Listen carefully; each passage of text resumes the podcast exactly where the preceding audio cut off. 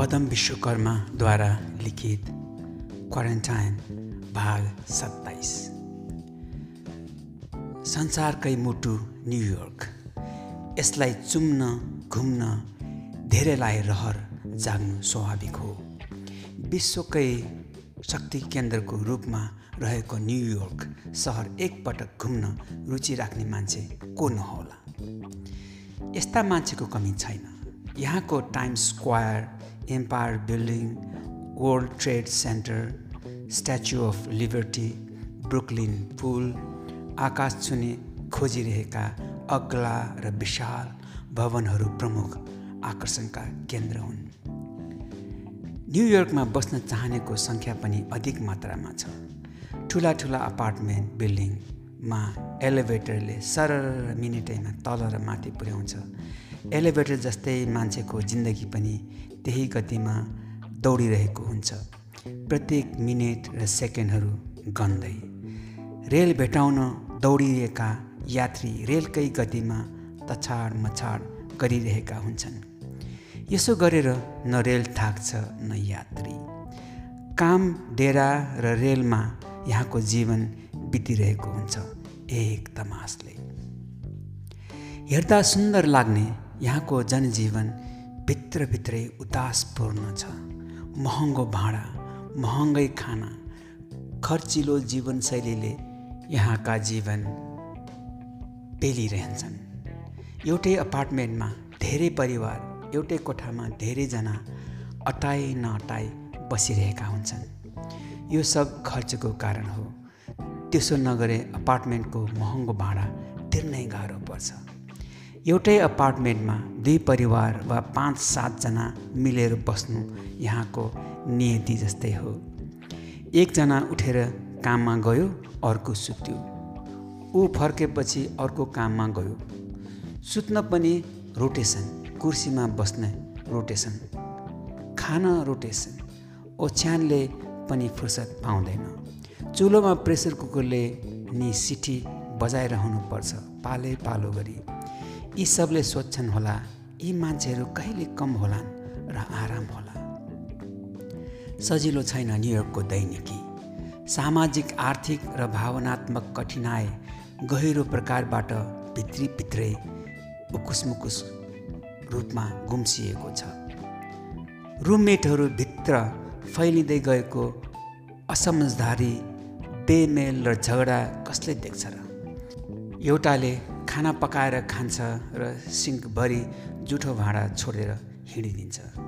अर्कोले सिङ्कमा छोडेको जुठो भाँडा हेर्दै दिगमिग मानेर पकाउनु पर्ने बाध्यता।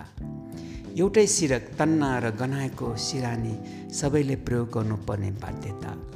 महिनौँ दिनसम्म फोहोर बाथरुम सिँगान खकारले लतपतिएको बाथरुम सफा गर्न कोही तम्सदैन उस्तै परे महिला पुरुषहरू एउटै ओछ्यानमा सुत्नुपर्ने। अपार्टमेन्टका लन्ड्रीमा लुगाहरू धुन धान हालेर काममा जान्छन्। छोरी मान्छेहरूले लन्ड्रीको अपरिचित परपुरुषका कपडा कट्टु आदि हटाएर आफ्नो कपडाहरू धुन हाल्नुपर्ने। ओहो कस्तो अटेस मटेस छ यहाँको जिन्दगी। सयौँ वर्षदेखिका पुराना भवनहरूमा साङ्ला उत्तिकै सलबलाउँछन् भित्ताहरूभरि। सुत्ता नाक कानबाट शरीरभित्रै छिर्छन् कि भन्ने त्रासै त्रासमा रातहरू बिताउनु पर्छ यहाँ। सलबलाउँदै साङ्लाहरू शरीरभरि ओहोर दोहोर गरिरहन्छन् एक नासले यति भएर पनि भाडा तिर्ने बेलामा कोही भेटिँदैन। जो सोझो छ उही पर्छ अघि भाडा तिर्न। ओहो अत्यास लाग्दो। कोहालमय जिन्दगी। सुट पाइन्ट र पर्फ्युमले ढाकेको उकुसमुकुस जिन्दगी। अपार्टमेन्टको कुनै एक मानिसलाई सङ्क्रमण भयो भने उसले मूल ढोका एलिभेटर हुँदै प्रत्येक कोठाहरूमा सजिलै सार्ने भयो। उक्त अपार्टमेन्टबाट सङ्क्रमण बस ट्रेन ट्याक्सी उबर आदिमा सर्दै सर्दै जान्छ। त्यसपछि एकपछि अर्को मानिसमा सङ्क्रमण हुन कति बेर लाग्छ र? नभन्दै यस्तै भयो।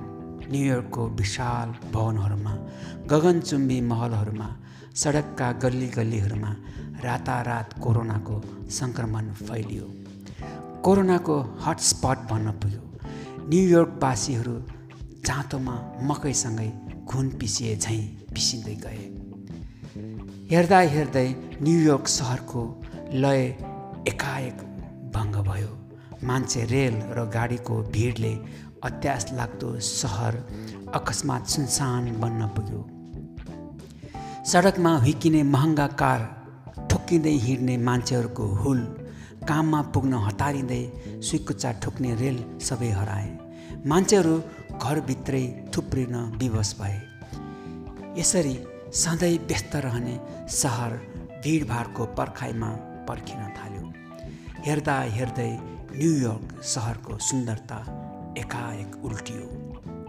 सूर्यास्तसँगै न्युयोर्क सहर अस्ताउन थाल्यो। बिना दर्शक एक्लै उभिएको छ स्ट्याचु अफ लिबर्टी। हट्सन नदीमा चम्किरहने वर्ल्ड ट्रेड सेन्टर र इम्पायर बिल्डिङका चम्किला तारा मैलिन्छन्। लाग्छ न्युयोर्क सहरले विश्राम लिइरहेको छ। उत्साह र उमङ्गमा हराएर सहर लास गन्दै व्यस्त छ। काठमाडौँका गल्लीका मन्दिरमा बजिरहने घन्टी जस्तै न्युयोर्कका चर्च र इम्पायर बिल्डिङमा सधैँ बज्ने घन्टीका आवाज पनि हिजो आज चित्कार जस्तै सुनिन थालेको छ। तिनले केवल शोक धुन अलापिरहेको जस्तो लाग्छ। बिरामी बोकेका एम्बुलेन्सको सायरन सब बोक्ने सब वाहनको सायरन फायर ट्रकका कोलाहेलमय आवाजले न्युयोर्क सहर अस्तव्यस्त बनिरहेको थियो। फ्युनरल होम अस्पतालको डेड बडी हाउस सबै लासहरूले खचाखच थिए। सदा मानिसहरूले भरिभराउ हुने न्युयोर्क सहर यति बेला मानव लासले भरिभराउ थियो। एउटा कोलाहल र त्रासदीपूर्ण समय खेप्नु पर्यो संसारको विशाल सहरले। अत्यास लाग्दो मानव सागरको चहल पहल देखिने म्यानह्याटनका गल्लीहरू पनि सुनसान थिए। बगिरहेको हडसन नदी रानी पोखरी जस्तै स्थिर उभिरहेको जस्तो लाग्छ। दिनौँ हजारौँ नयाँ रोगी थपिएका छन्। मर्नेहरूको सङ्ख्या छिनछिनमा आकाशिएको छ। अस्पतालमा बिरामी घट्नुको साटो झन्झन बढिरहेको छन्। अस्पतालमा बेड अपर्याप्त हुन थालिसक्यो। टेस्ट किटको अभाव भयो। मान्छे भुतु भुतु मर्न थाले। अस्पतालमा बिरामीको चाप घटेको थिएन।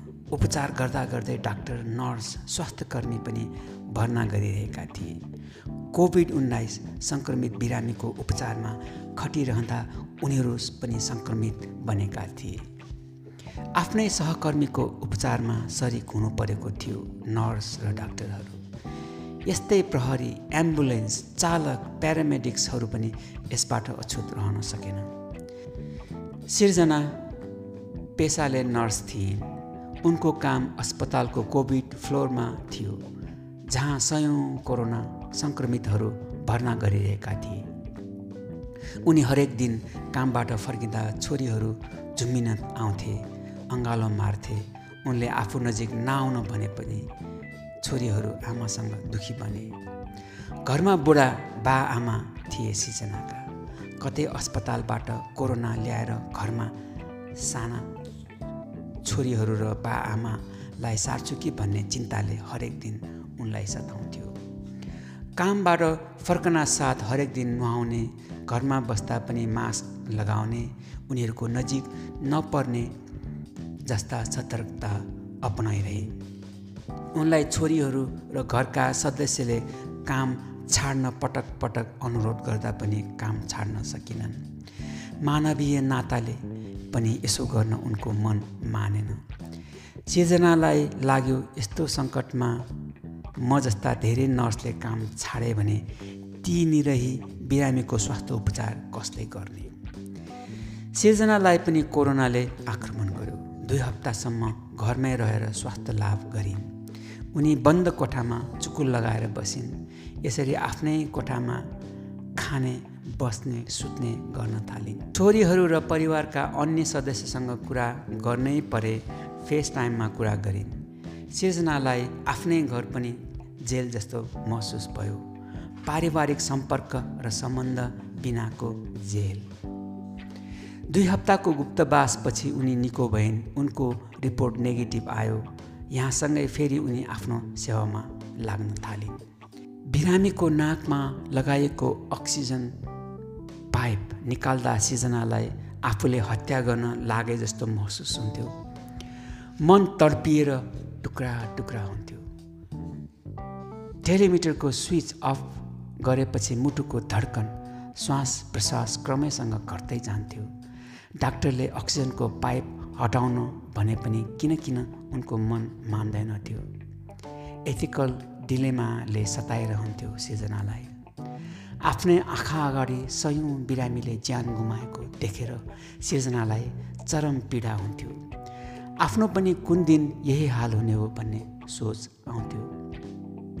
फ्रिजभरि लासको लस्कर राखिएको हुन्थ्यो।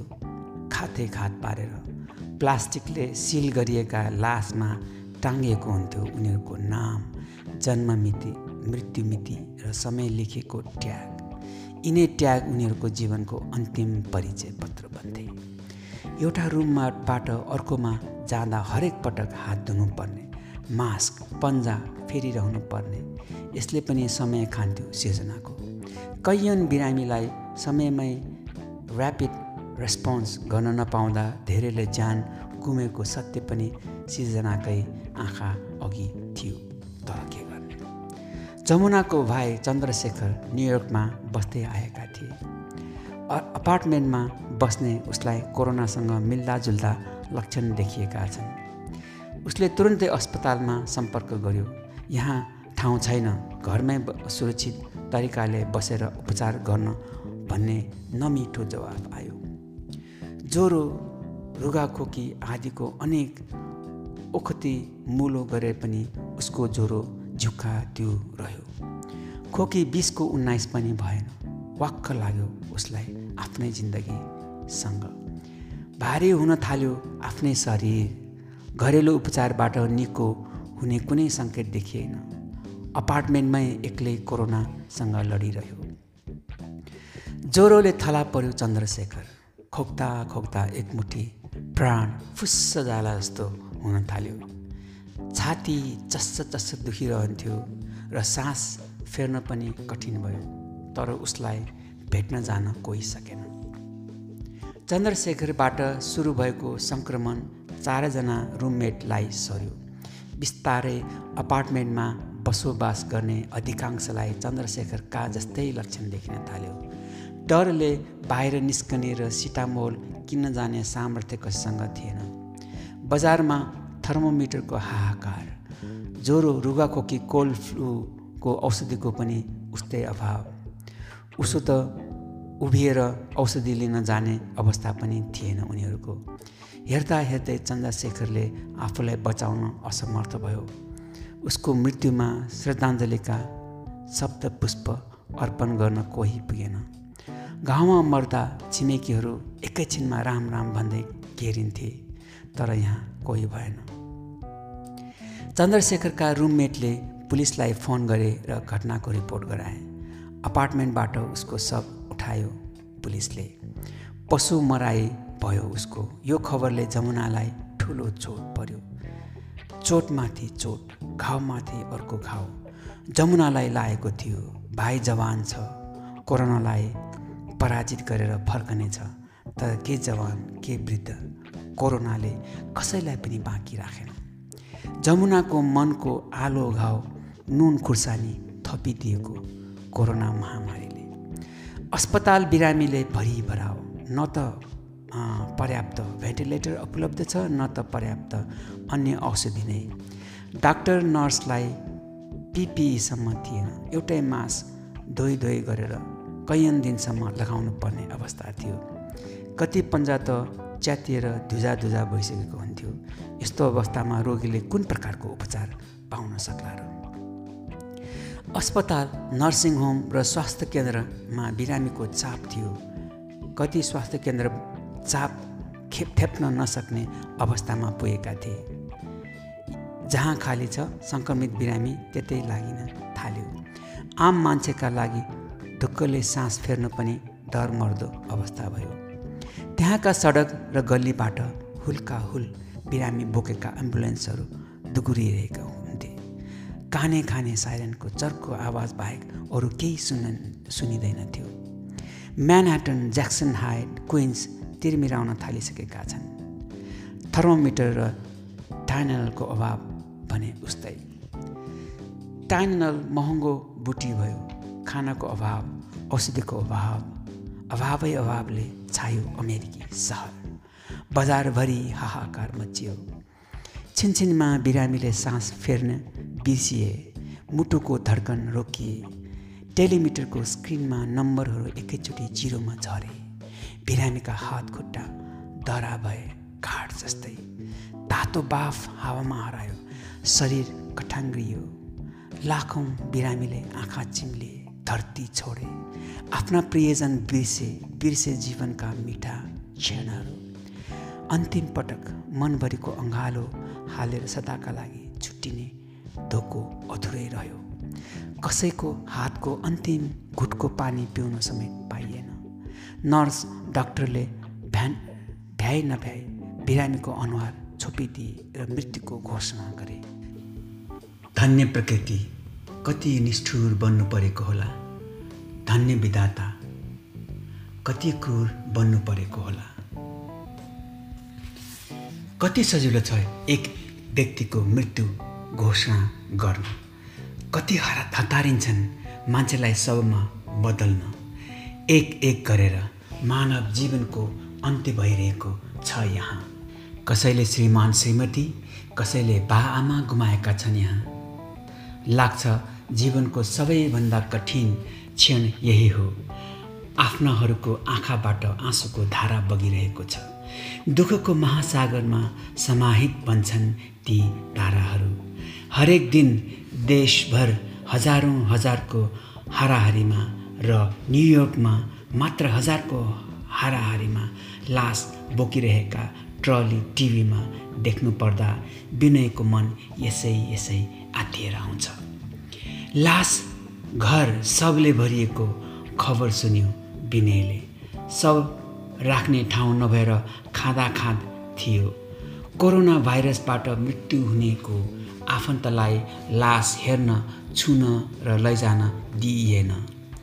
नजिकसम्म पुगेर एक थुङ्गा फुल र दुई थोपा आँसु समेत चढाउन पाइएनन्।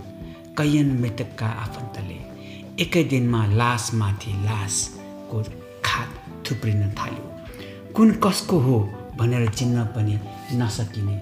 लासहरू ट्रलीमा खाँदेर फ्रिजमा राख्न थालियो। फ्रिजबाट निकाल्दै दाउरा अगेनामा हाले जसरी क्रिमेसन सेन्टरको ओभानमा अठार सय डिग्री फरेनहाइटको आगोमा हाल्न थालियो सब। कतै लास जलाउने ठाउँको अभाव? कतै लास गाड्ने ठाउँको पनि अभाव। यस्तो दर्दनाक अवस्था जीवनमा न कहिल्यै विनयले देख्यो न देख्नु नपरोस् भन्ने कामना गर्न सक्यो लासको घर बनेको छ अमेरिकी आँगन। बाँच्ने रहर हुँदाहुँदै पनि महामारीको भेलले उत्याएका प्रिय मनहरू लासै लासको पहाड छ चोक र गल्लीहरूमा। हर्षले रमाउने सहरको गल्ली मसान घाट जस्ता उदास देखिन्छन्। सहरभरि नमिठो गन्ध छ।